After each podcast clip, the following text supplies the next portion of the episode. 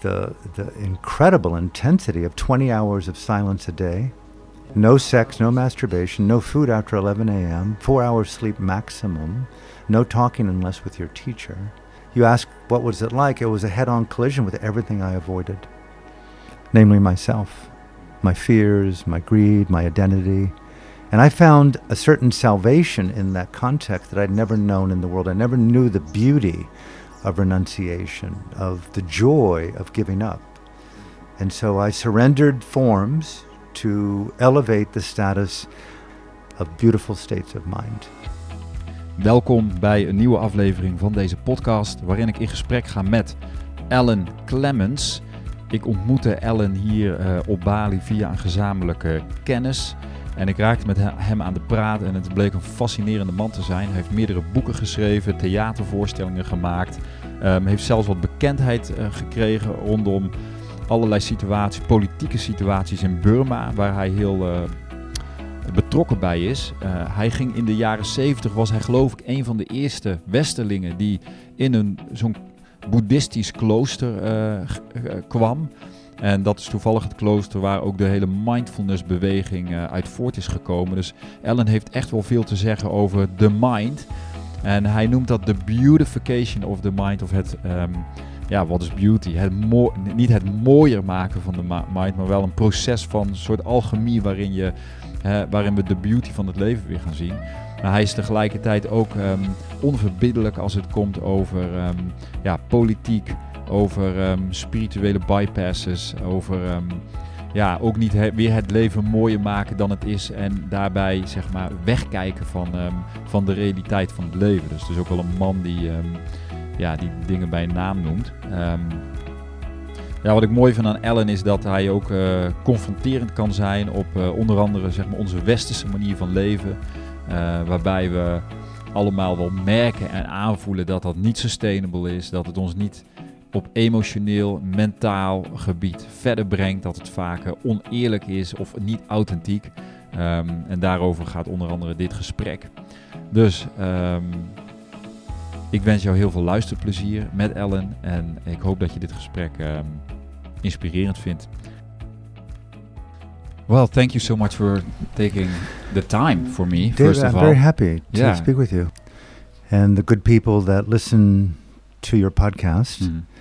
Um, at this stage of life, having lost almost everyone near and dear to me in the last three years um, my father, my mother, my teacher, my three best male friends, my two remaining aunts, my godmother, a very long term intimate relationship. The country of Burma became internationally vilified. My dear friend Aung San Suu Kyi demonized by the international media and some leaders a colossal collapse by way of saying who is Alan Clements. He's the emergence. He's the emergence of a deep struggle, David, over Mm. the last year and a half to discover more of the unseen aspects of my own psyche, my own heart and mind and psychology. And it's been a renaissance, if you will, a rebirth of all that I've never known and all that I see virginally emerging in me right now. And I would say this by way of saying, I feel rehumbled, if you will, Mhm. And infinitely present in the vocation of truth telling about what really matters to me and what I really stand for in terms of this life. I have seen clearly that each breath is our first and our last, Yeah, so it has really changed the last year and a half for you dramatically. dramatically. Like who who who, who was Alan before that time? Maybe you can talk about your. You became well known around the world in the spiritual community because you were a, a, a monk in Burma, or I you was entered a monastery. I was a former, former Buddhist monk Yeah. in the country of Myanmar, formerly known as Burma. Mhm. People tell me I was one of the first Americans in modern times to ordain at the Mahasi Sasana Yeiktha Meditation Center in Yangon. which is a well-known.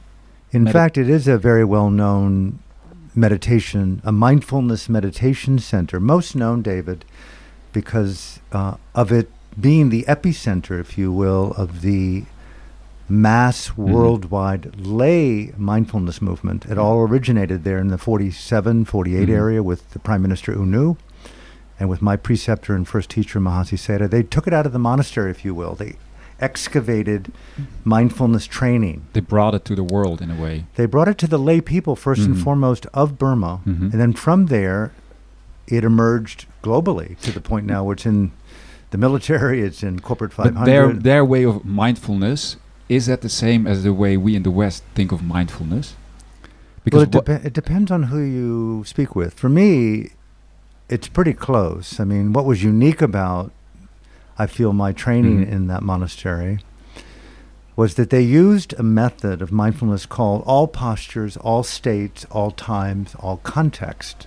Mhm. So they really didn't teach it as a posturally specific training, like some emphasize sitting, some emphasize walking, but there it was all postures, meaning talking, reclining, bending, eating, bathing, answering the call of nature, lying down, getting up. They really emphasize, if you go to the monastery, to include an awareness of present time experience in all Mhm. postures, including all states of mind all context, whether it be in a meditation center or in a village. Because in the early Mhm. days, I was told, and even today, you see them emphasizing to people worldwide that meditation isn't posture specific or location based.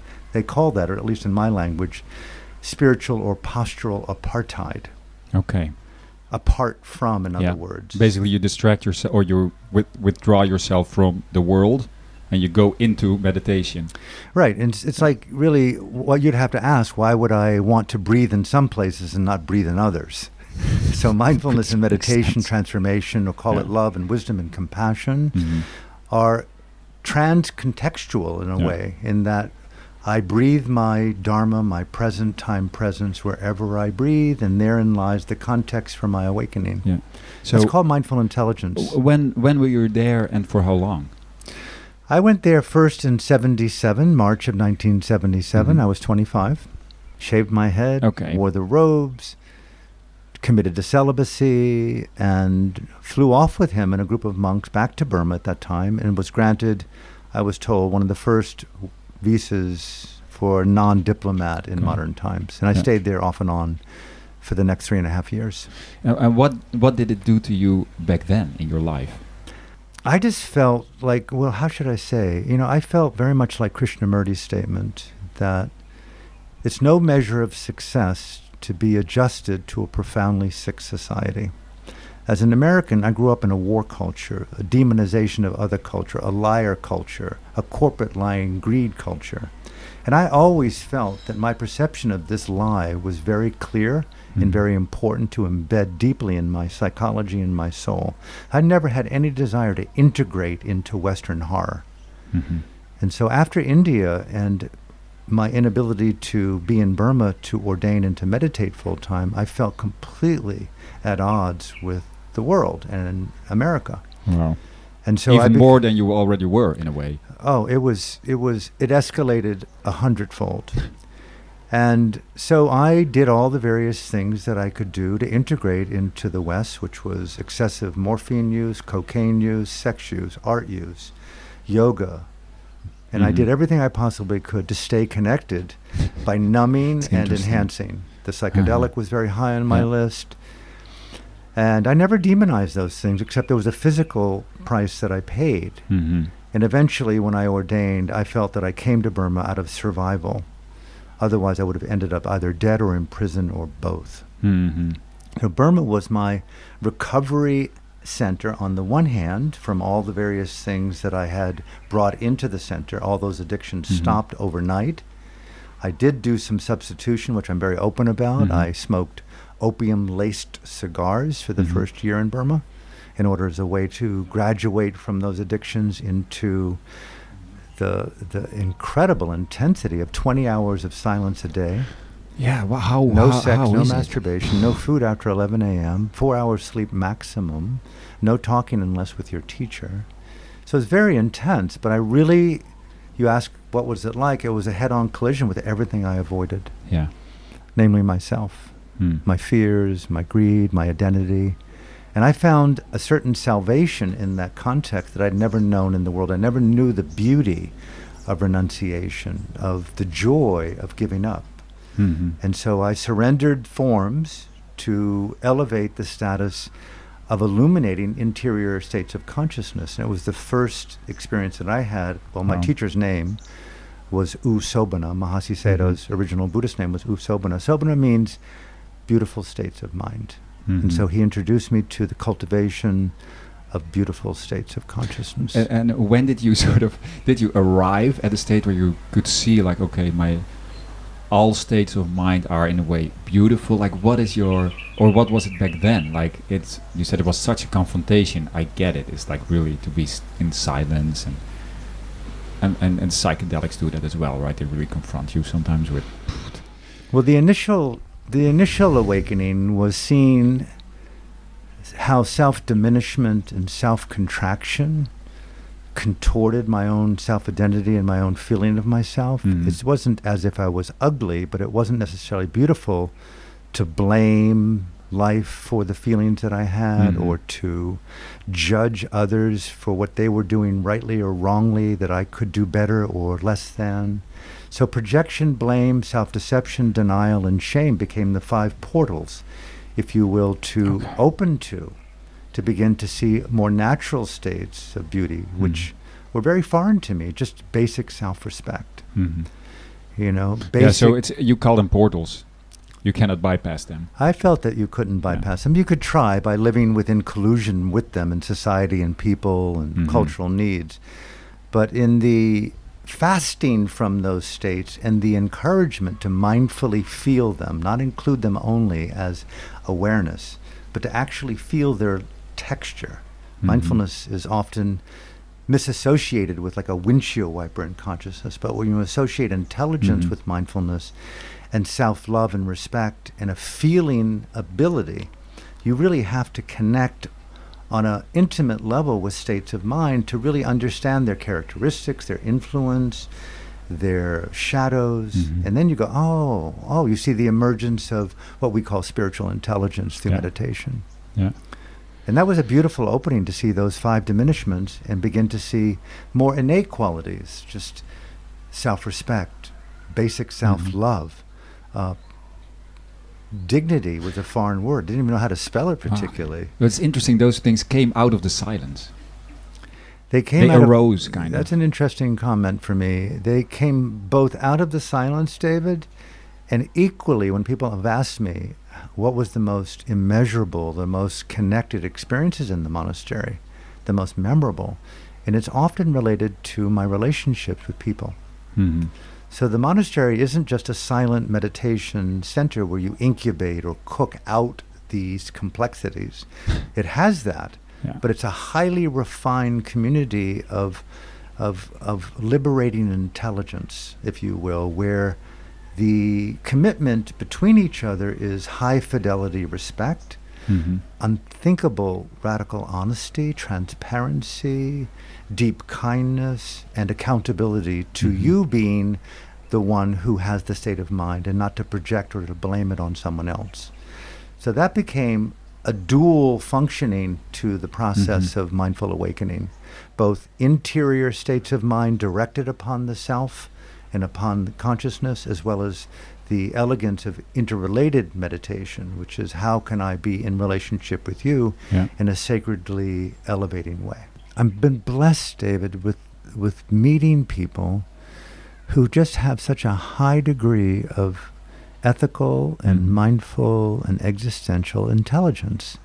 It's not that they're Burmese; it's that, Mhm. that they've they've chosen to challenge uber toxic, violent masculinity that's formed within dictatorship and quintessential big brother totalitarianism. George Orwell, for example, Yeah. who wrote the book 1984, Mm. people know that he lived in Burma Mhm. during the war for three years. They say the seeds of 1984 were born there in Burma and also in the UK. Mhm. But more to the point is that we saw within this this quiescent culture with 176 different dialects, all the major religions, with nearly a million monks and nuns, where they practice this this ancient form of transformational awakening called mindfulness in context to self and other. Mhm. It's and then it was oppressed for 150 plus years by the British. We saw world wars there, where there was some of the most ferocious hand-to-hand combat. The bombing of Mhm. Rangoon and Mandalay, the country's been decimated, traumatized, layers upon layers of horror.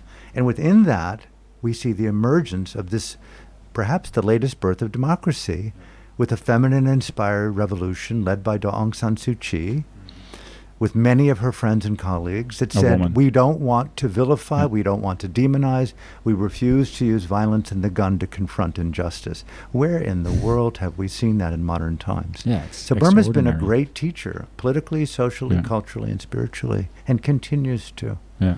go. What are the things when you make them sort of practical? What are the things that we should be really wake up to about what's going on in the world? Well, the number one thing that I can see is you want to be sure, Alan. I speak to myself this way and my few friends and my daughter. You want to be as sure as possible that you know the power and the value of choice making. The thing that I find most valuable is to safeguard and sanctify choices rooted in integrity, not just what feels right or good. And to know what conscience is, what is right from wrong, and to Mhm. have ethical intelligence, and from that, if we're so lucky, to develop mindful intelligence. What is that? You know, my mom passed away last year. I, I mentioned that. You know, we were talking jokingly before she passed on. You know, you've been meditating to be in the present now for four and a half decades. Even assassins can do that, she said, and acrobats and golfers and tennis. Tennis, all you do is talk, though. Why did you practice so much being in the moment? Now, now, now, now, now, now, now. And she says, you know, when you look through a scope and you see an enemy, to paraphrase her, you're trained to pull the trigger mm-hmm. mindfully, as they do with drone attacks in the world Yeah. today. It's in the military. You know, I'm on the Google, Facebook, you know, conveyor belt of efficiency and productivity so that I got to keep my stress at bay. Yeah. And if you're not really mindful of who you demonize through that scope of our present time awareness, you'll pull the trigger out of convenience and servitude to an ideal or a belief that's delusional. yeah. We need to question the validity of our beliefs. So today, I think all roads lead to us supporting safety and keeping alive the oxygen of freedom, Yeah. which means anti war, anti killing, and relaxing the theology of the greatest hallucination at all of our religion being better than another.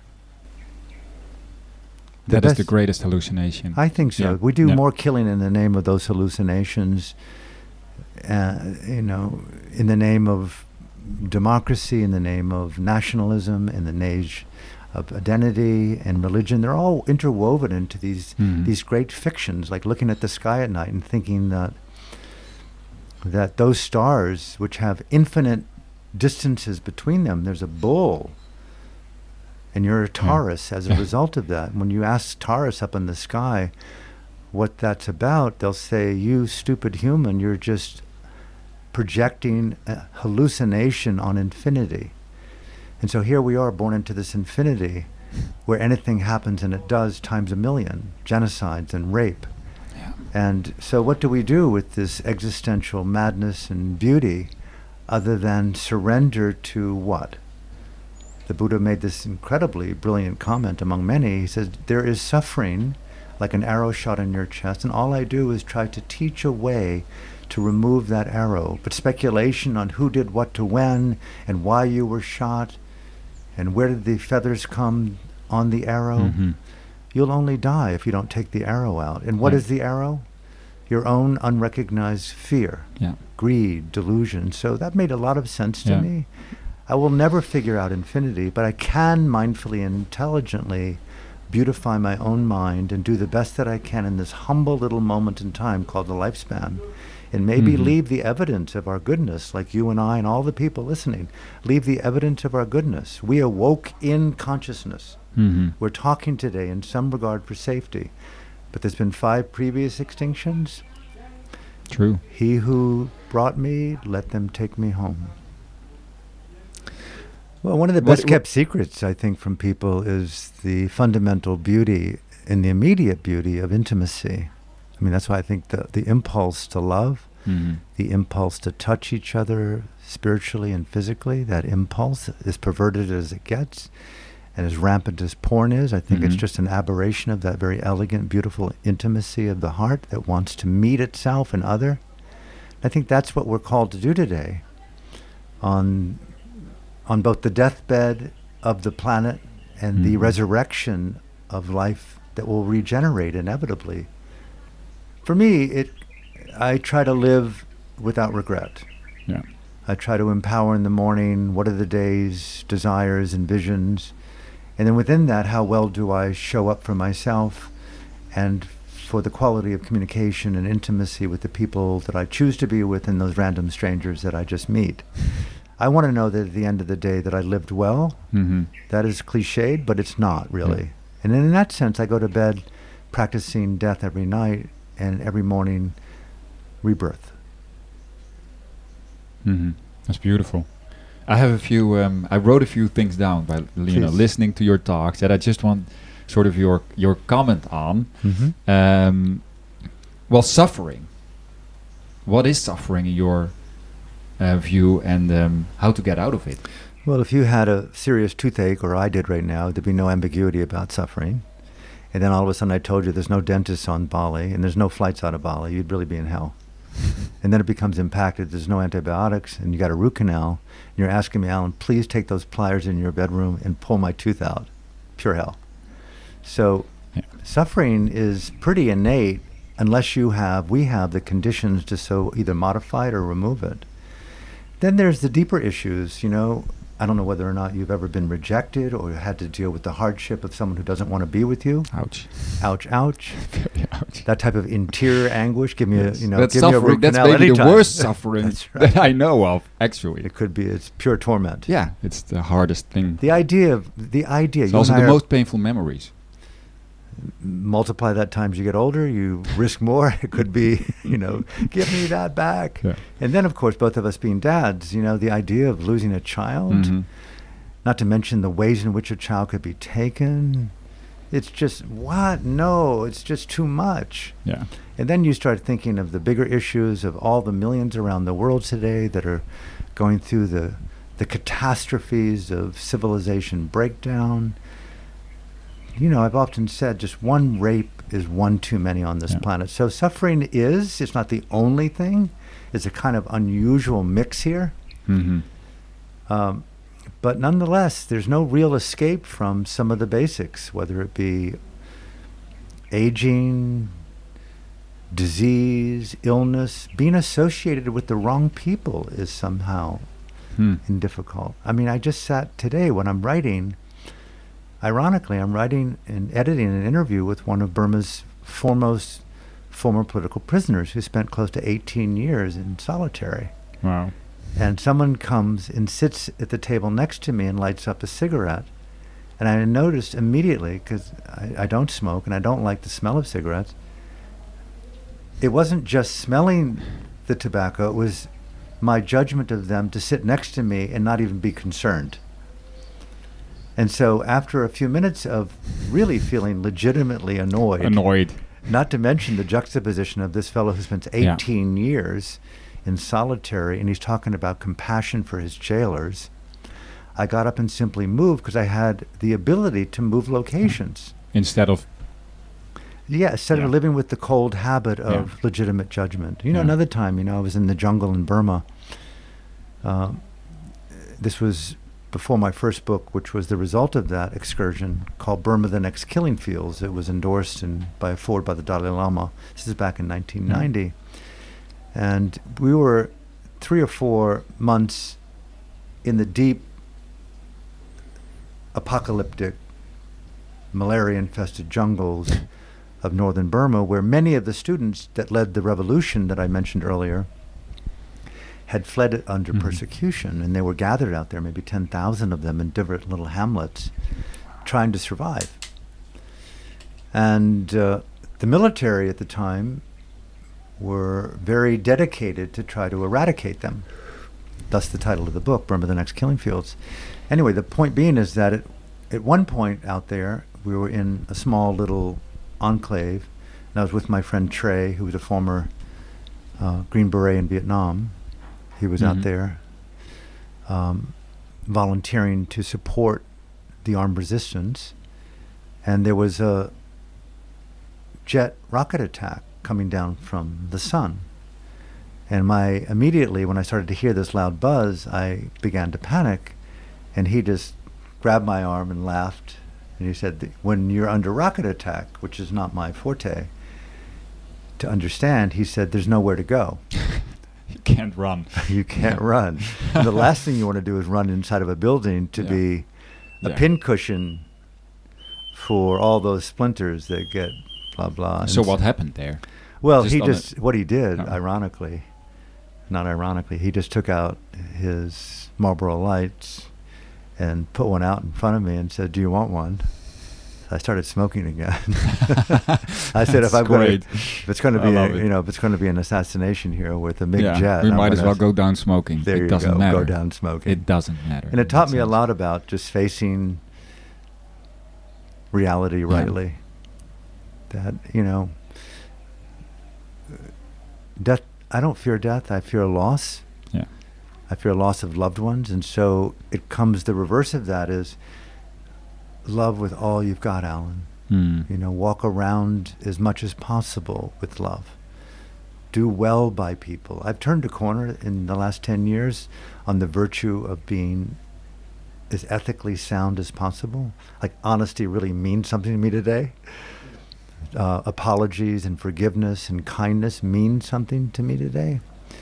Um, how I treat the complete undervalued worker in the gardens here Mm. is more important than how I treat a resident relative of the king I was introduced to. Yeah. I want to be with those who know the secret things, and I want to live in peace in my own conscience rather than a performance for applause. Mhm.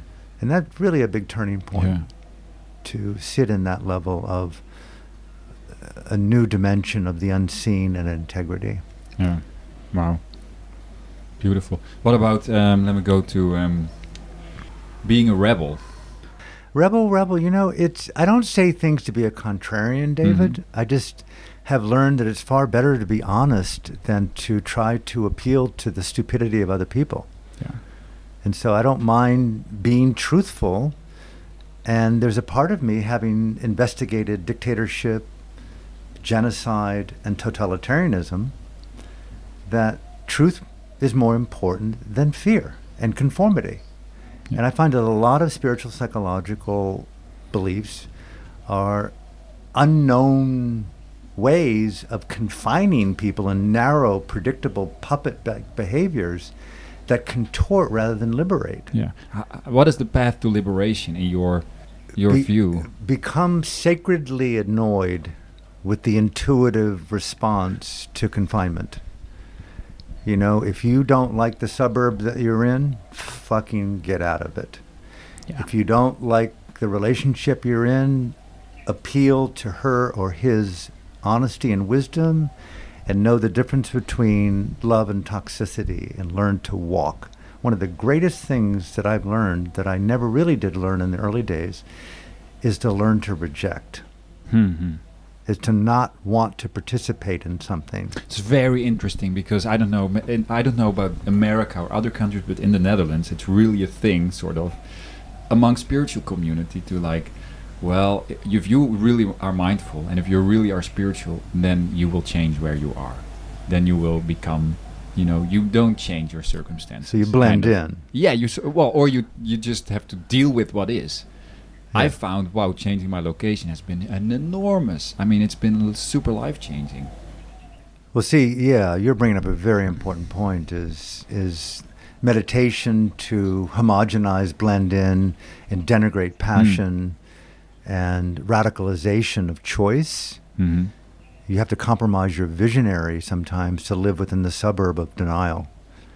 And I just think it's really an interesting thing to make life not just a mystical adventure, but a human adventure Yeah. to do the unexpected and to live in intuitive integrity regardless of the consequences come off the the the invisible blockchain of capitalism and tangential existence go live Take a risk.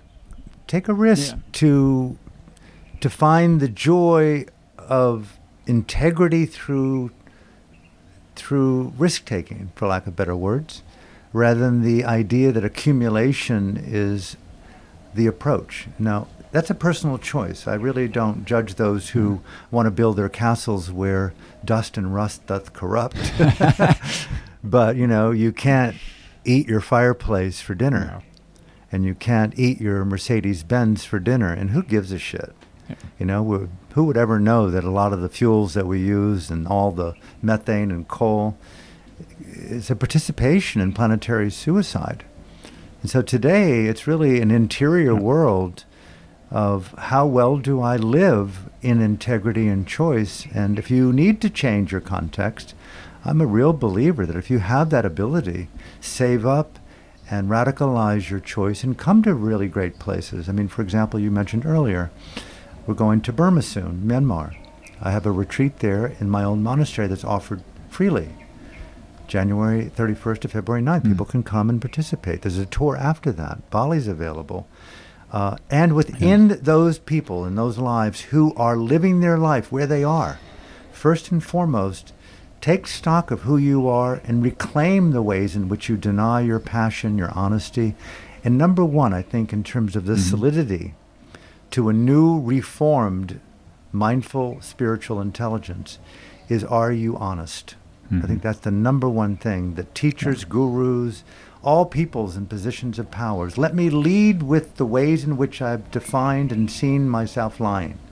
Let me show by example the ways that I have deceived you and my other people in my life.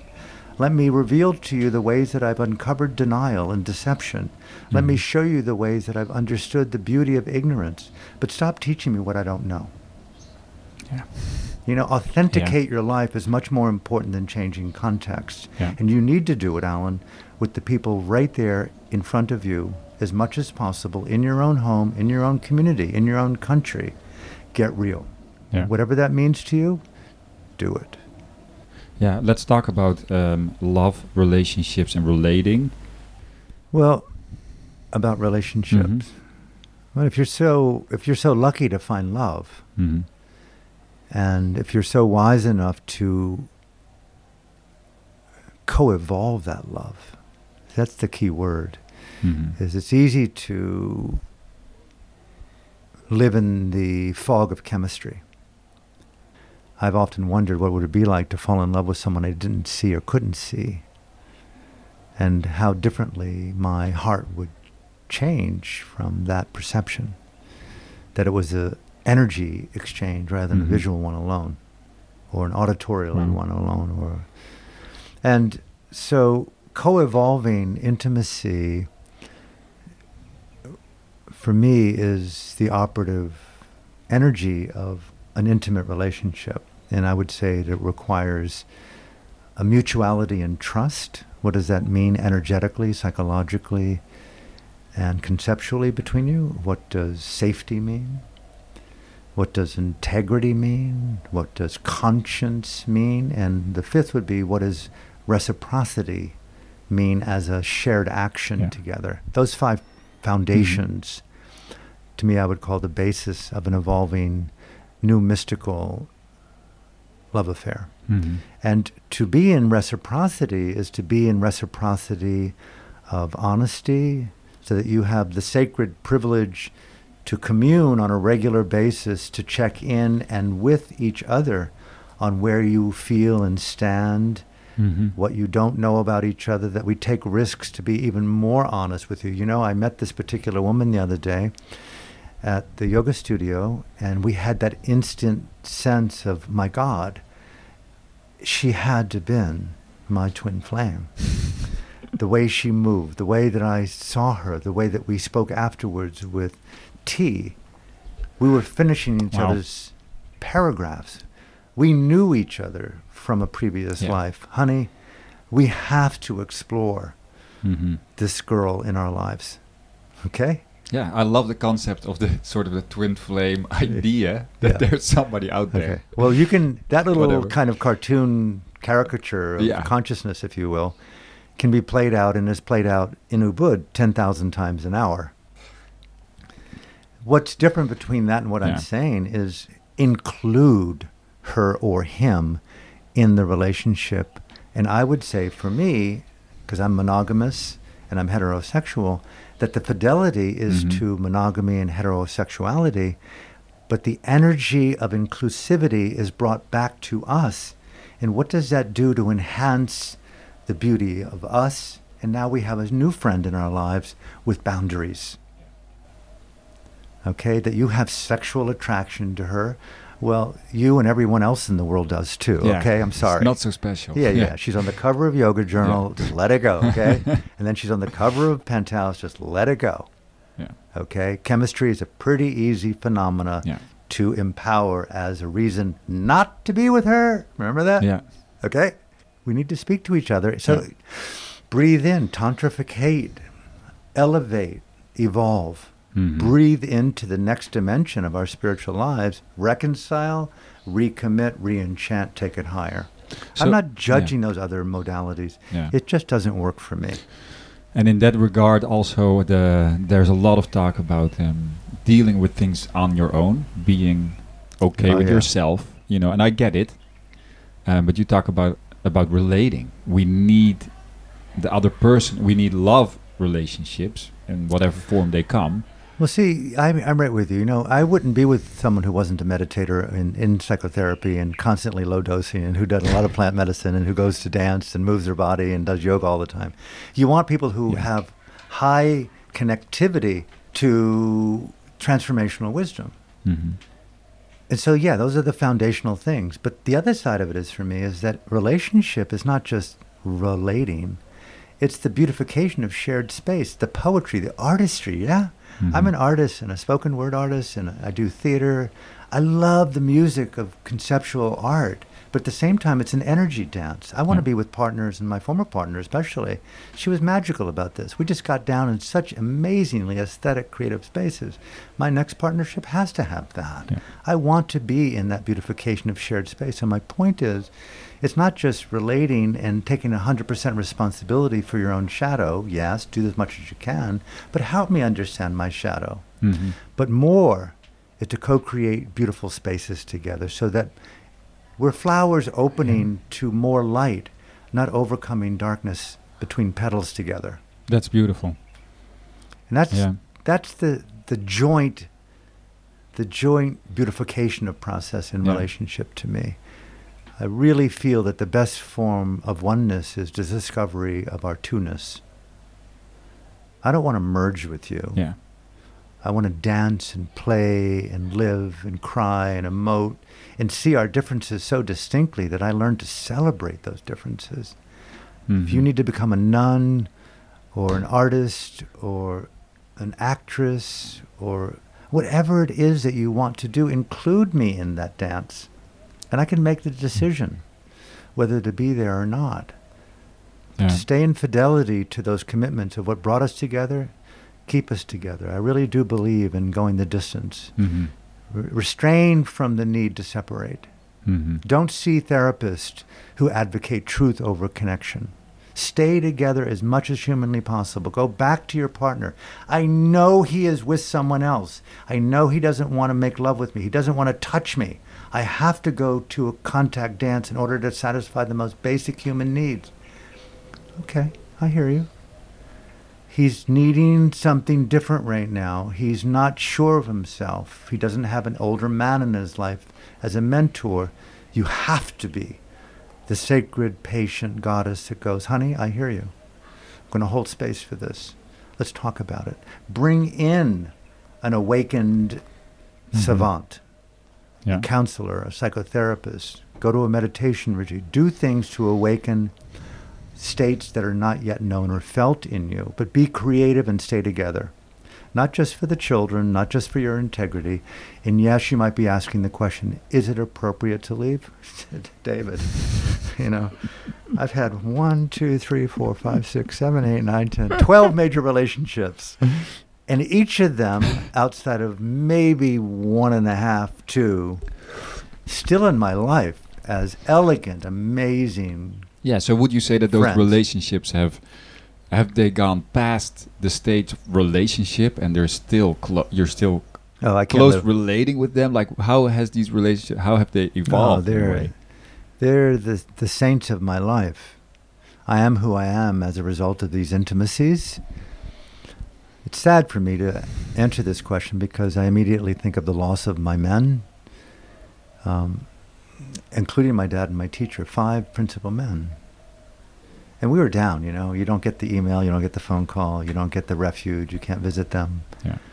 You can't get, really get down. Not that we really did things that women shouldn't or wouldn't hear, but we Yeah. we had our own language. Yeah. So yes, I mean, these people in my life today are my physical existential sangha, my community of transformational awakening. I cannot be who I am without my intimate friends.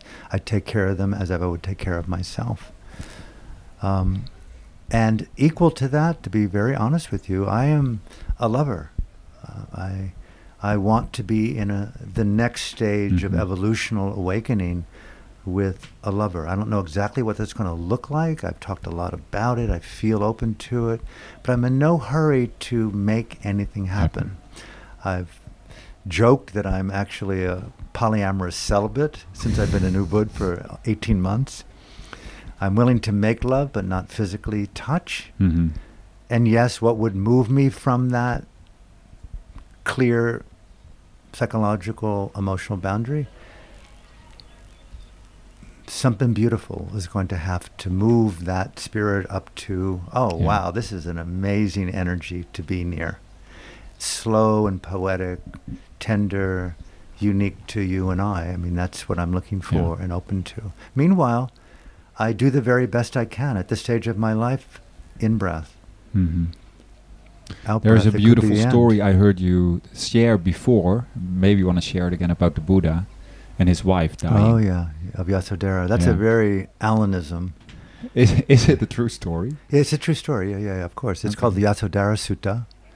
Uh, my interpretation of it is taking something that they say is a couple of thousand years old on Mhm. palm script with an ancient dialect of a language that no one speaks.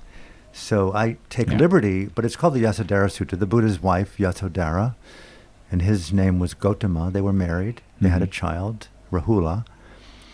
Um, at the end of her life, she actually renounced the home life along with her son and became a nun and the Buddha a monk. And they lived in vicinity together with many other nuns and monks. And But they lived apart together, sort yeah, of. uh, yeah, they, they lived as celibate yeah. savants together, which is kind of interesting. Hmm. Um, Yeah, I wonder how they evo- how they spoke about it. well, about their yeah, evolving relationship. Slightly tangential to this, you know, people often ask, do you have sex in monasteries? And you don't really have overt sex, but sexual energy isn't just sexual energy as we define it. We Yeah. hallucinate often into what that is. Yeah. And monastically, in my experience, meditatively, cognitively, it's the this incredible creative energy that ripples transorgasmically through consciousness. That's the source of art, creativity, and even probably the enlightening of consciousness. And so, in a monastery, you can really dance in these poetically sensual, intimate, cognitively clear, beautiful spaces with monks and nuns. It's transgender. Mhm. You're not physically touching. You don't kiss. You don't. But you they hold hands. Are were those uh, just in between question about those monasteries? Are they like monk monks and nuns separated? Right. They're separated. Yeah. Yeah. But you live. You Yeah. eat together. Okay. You, are in. You live in the same community. There is feminine energy, and and vice versa. There's no physical contact No. between I I get that. the genders. but there's an aura. Let's say, the feminine is present as well. It's not strictly separated. Not strictly Okay. separated, but there's no physical contact Yeah. and there's no overt discussion sexually in that Yeah. sense. But, Yeah. you know, it's like asking monasteries and meditation centers are places to explore heightened states of consciousness. Yeah. And so we go in in somewhat of a flat plane understanding, similar to a non psychedelic state. And then Mhm. with a certain amount of micrograms of the psychedelic, 150, 200, 300, God forbid, 500. Next thing you know, you have 10,000 dimensions to consciousness that you normally didn't have. Yeah. A meditation center deliberately, those who know, deliberately expands and dimensionalizes consciousness in that context. Mm-hmm. And so the idea of what sexuality is and isn't, men and women, is very much like non psychedelic Yeah. state compared to the psychedelic experience. Yes. Okay, makes sense. So it's way different. And we impose belief systems because Yeah. we don't really have that okay. psychedelic comparative. Yeah. Makes sense.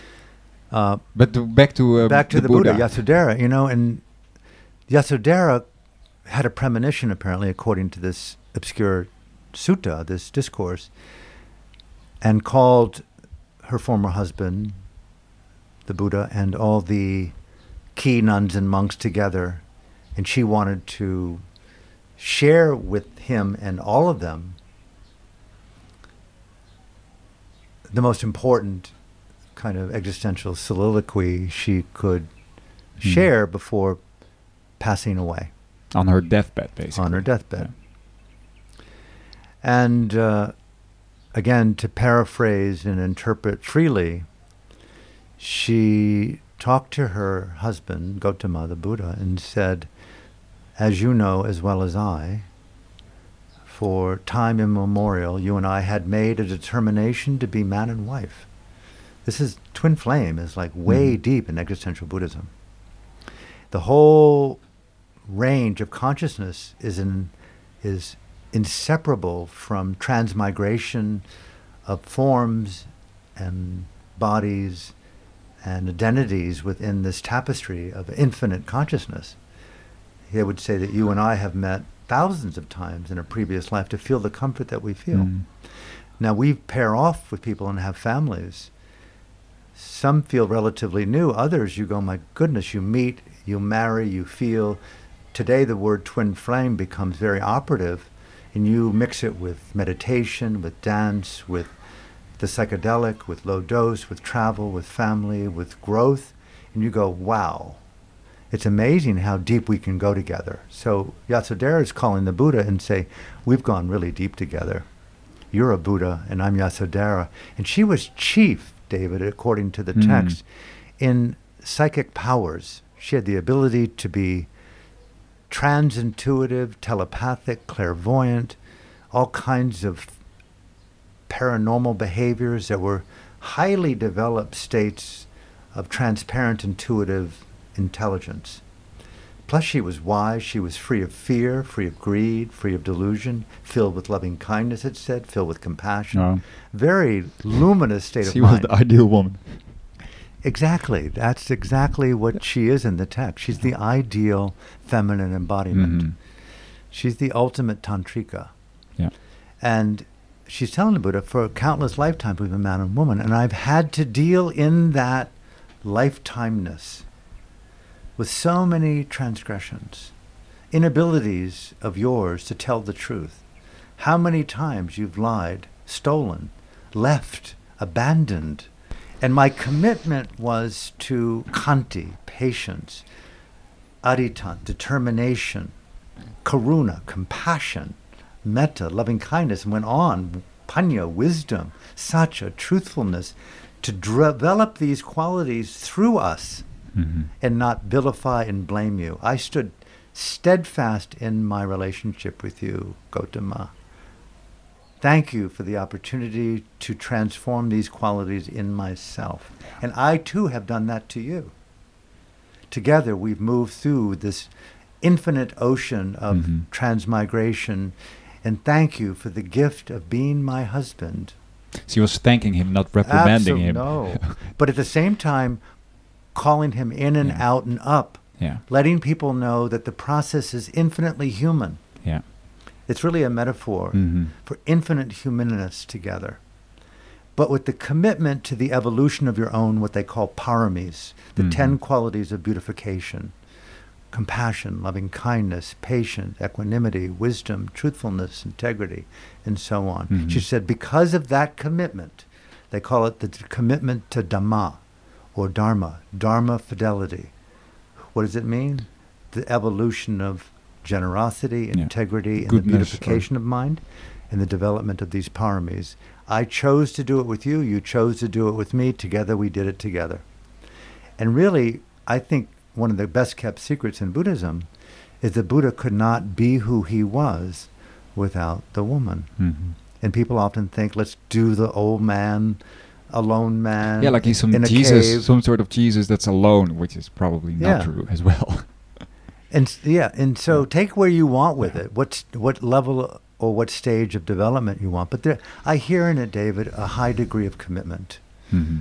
I stayed with you through thick and thin. There's something in my mom and dad in that that I am just saying yes to right now.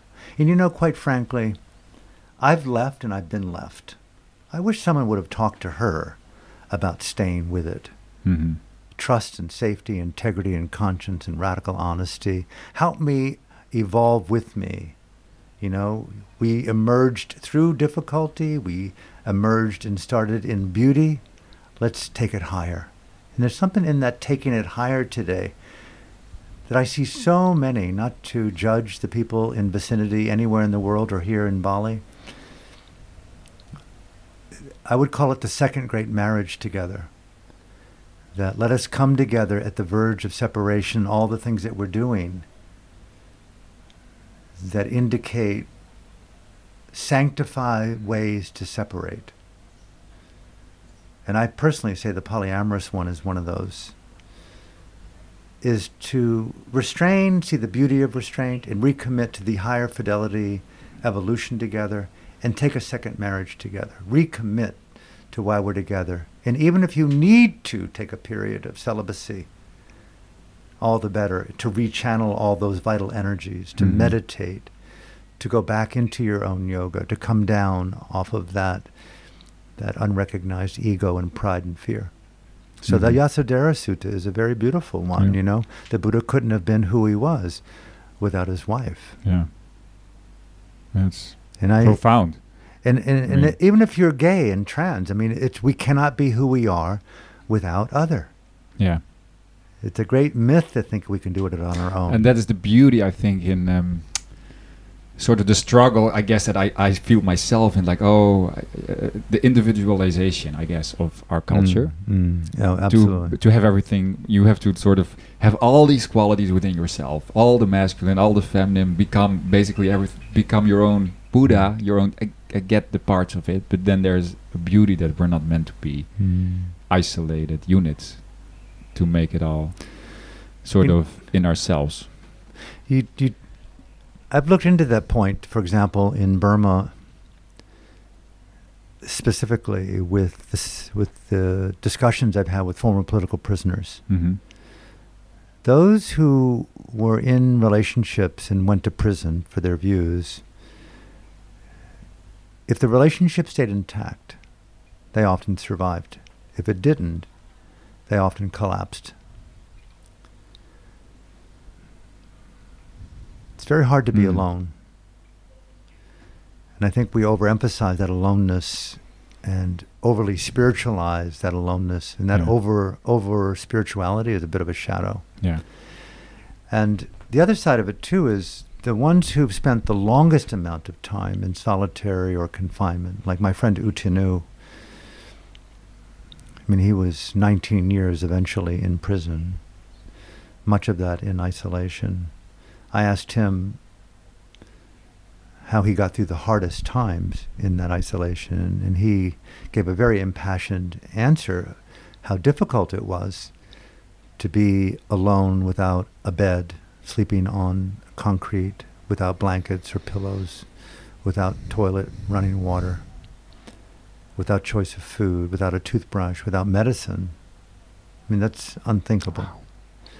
And these are people who, these are revolutionaries who radicalize a freedom that includes your freedom too. Mm-hmm. I cannot be free without you was a motto of the Burmese. And at the end of this hour long sharing of how he got through the hardest times, he he told me that in the most difficult times, David, he imagined in his mind's eye those people whom he really loved. And he would bring into his mind's eye an image specifically of his wife. And he, in the sanctity of that cognitive, transparent, Mm. intimate silence, his mind, he would see her face, he would see her eyes, he would smell her body, he would see the color of her lips. He was telling me this. I could imagine what went through his mind after so many years in a prison cell in the absence of And you- sexuality and intimacy. And you forget. and he brought it into high fidelity. I heard her words like poetry. He brought, he said, he kept going on and on and on. He brought her in. he brought her in. Yeah. Now imagine how easy it is to be in a hurry with lovemaking, with conversation, with eating, with touching. And he's being asked, How did you get through the hardest times of 19 years in confinement? And see that momentum that we have in love and Mhm. time, and we imbue that momentum with I want it on my terms. He's re-sanctifying the innate of being so present with the one you love that you may have to draw upon that memory to get through the darkest times. And he said, he opened his eyes and he said, I took my memory of my wife from the past into the present and let the memory of love suffuse my body with warmth and respect. And in that warmth and respect, I got through the hardest times. He said, human touch, human warmth is the best remedy to Yeah. deal with fear and loneliness and knowing how to love. And so that's what, these are the guiding principles to me. Mhm. And it's not easy to love like that with you going home to your child, your partner. But that's the models that we have available to Mhm. us as these narratives within this cognitive atmosphere called life on earth today before perhaps it all ends Before the end, I guess maybe that's why we all, I do, love those movies where the world is going to pieces, Mhm. but there's always a lover kind Mhm. of story, and they sort of Well, that, you know, the takeaway for me in all this is two things. I want to fall in love. I want to be in love. I want to elevate love. And I want to love and elevate the one I'm with. So, on the one hand, meditation as a way of inhabiting all postures, all times, all states, and all contexts is the, the essence, the soul of it is to consciously choose the beautiful state that you want Mhm. with the most important people in your life. And there you invest the sanctity, the mystical beauty of transforming together by bringing to her or to him or to them the most elegant states of cognitive beauty. Mhm. When you kiss your partner again today, kiss her or him in a way that you've never kissed. Take time out of it. Take habit out of it. Take speed out of it. Take comparison out of it. When you look at your children, you look at your pet, you look at the flowers, you water your plant, you cook your food. Take habit out of it. Take conformity out of it. Keep liberating the space with beauty. That is real mindfulness. That's Yeah. what we're called upon. Yeah. That's our Yeah. our trans religious, trans philosophical, trans traditional spirituality today. That's world dharma Mhm. for me. Beautiful. I think we should end it. Okay. Namaste. Namaste, Alan. Thank you. Thank you. Beautiful.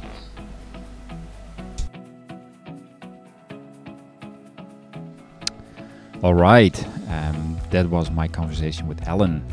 So it's an honor for me that you've listened all the way to the end, and it's a sign that you really like this episode. And if you have found value in it, I ask you again to share this episode with a friend. Also, leave a short review on uh, Apple iTunes. So, um, and again, if you want more of these episodes, go over to SoundCloud, check out my English uh, playlist um, um, for more of Ubud's beautiful people. Um, thanks again for listening. See you next week.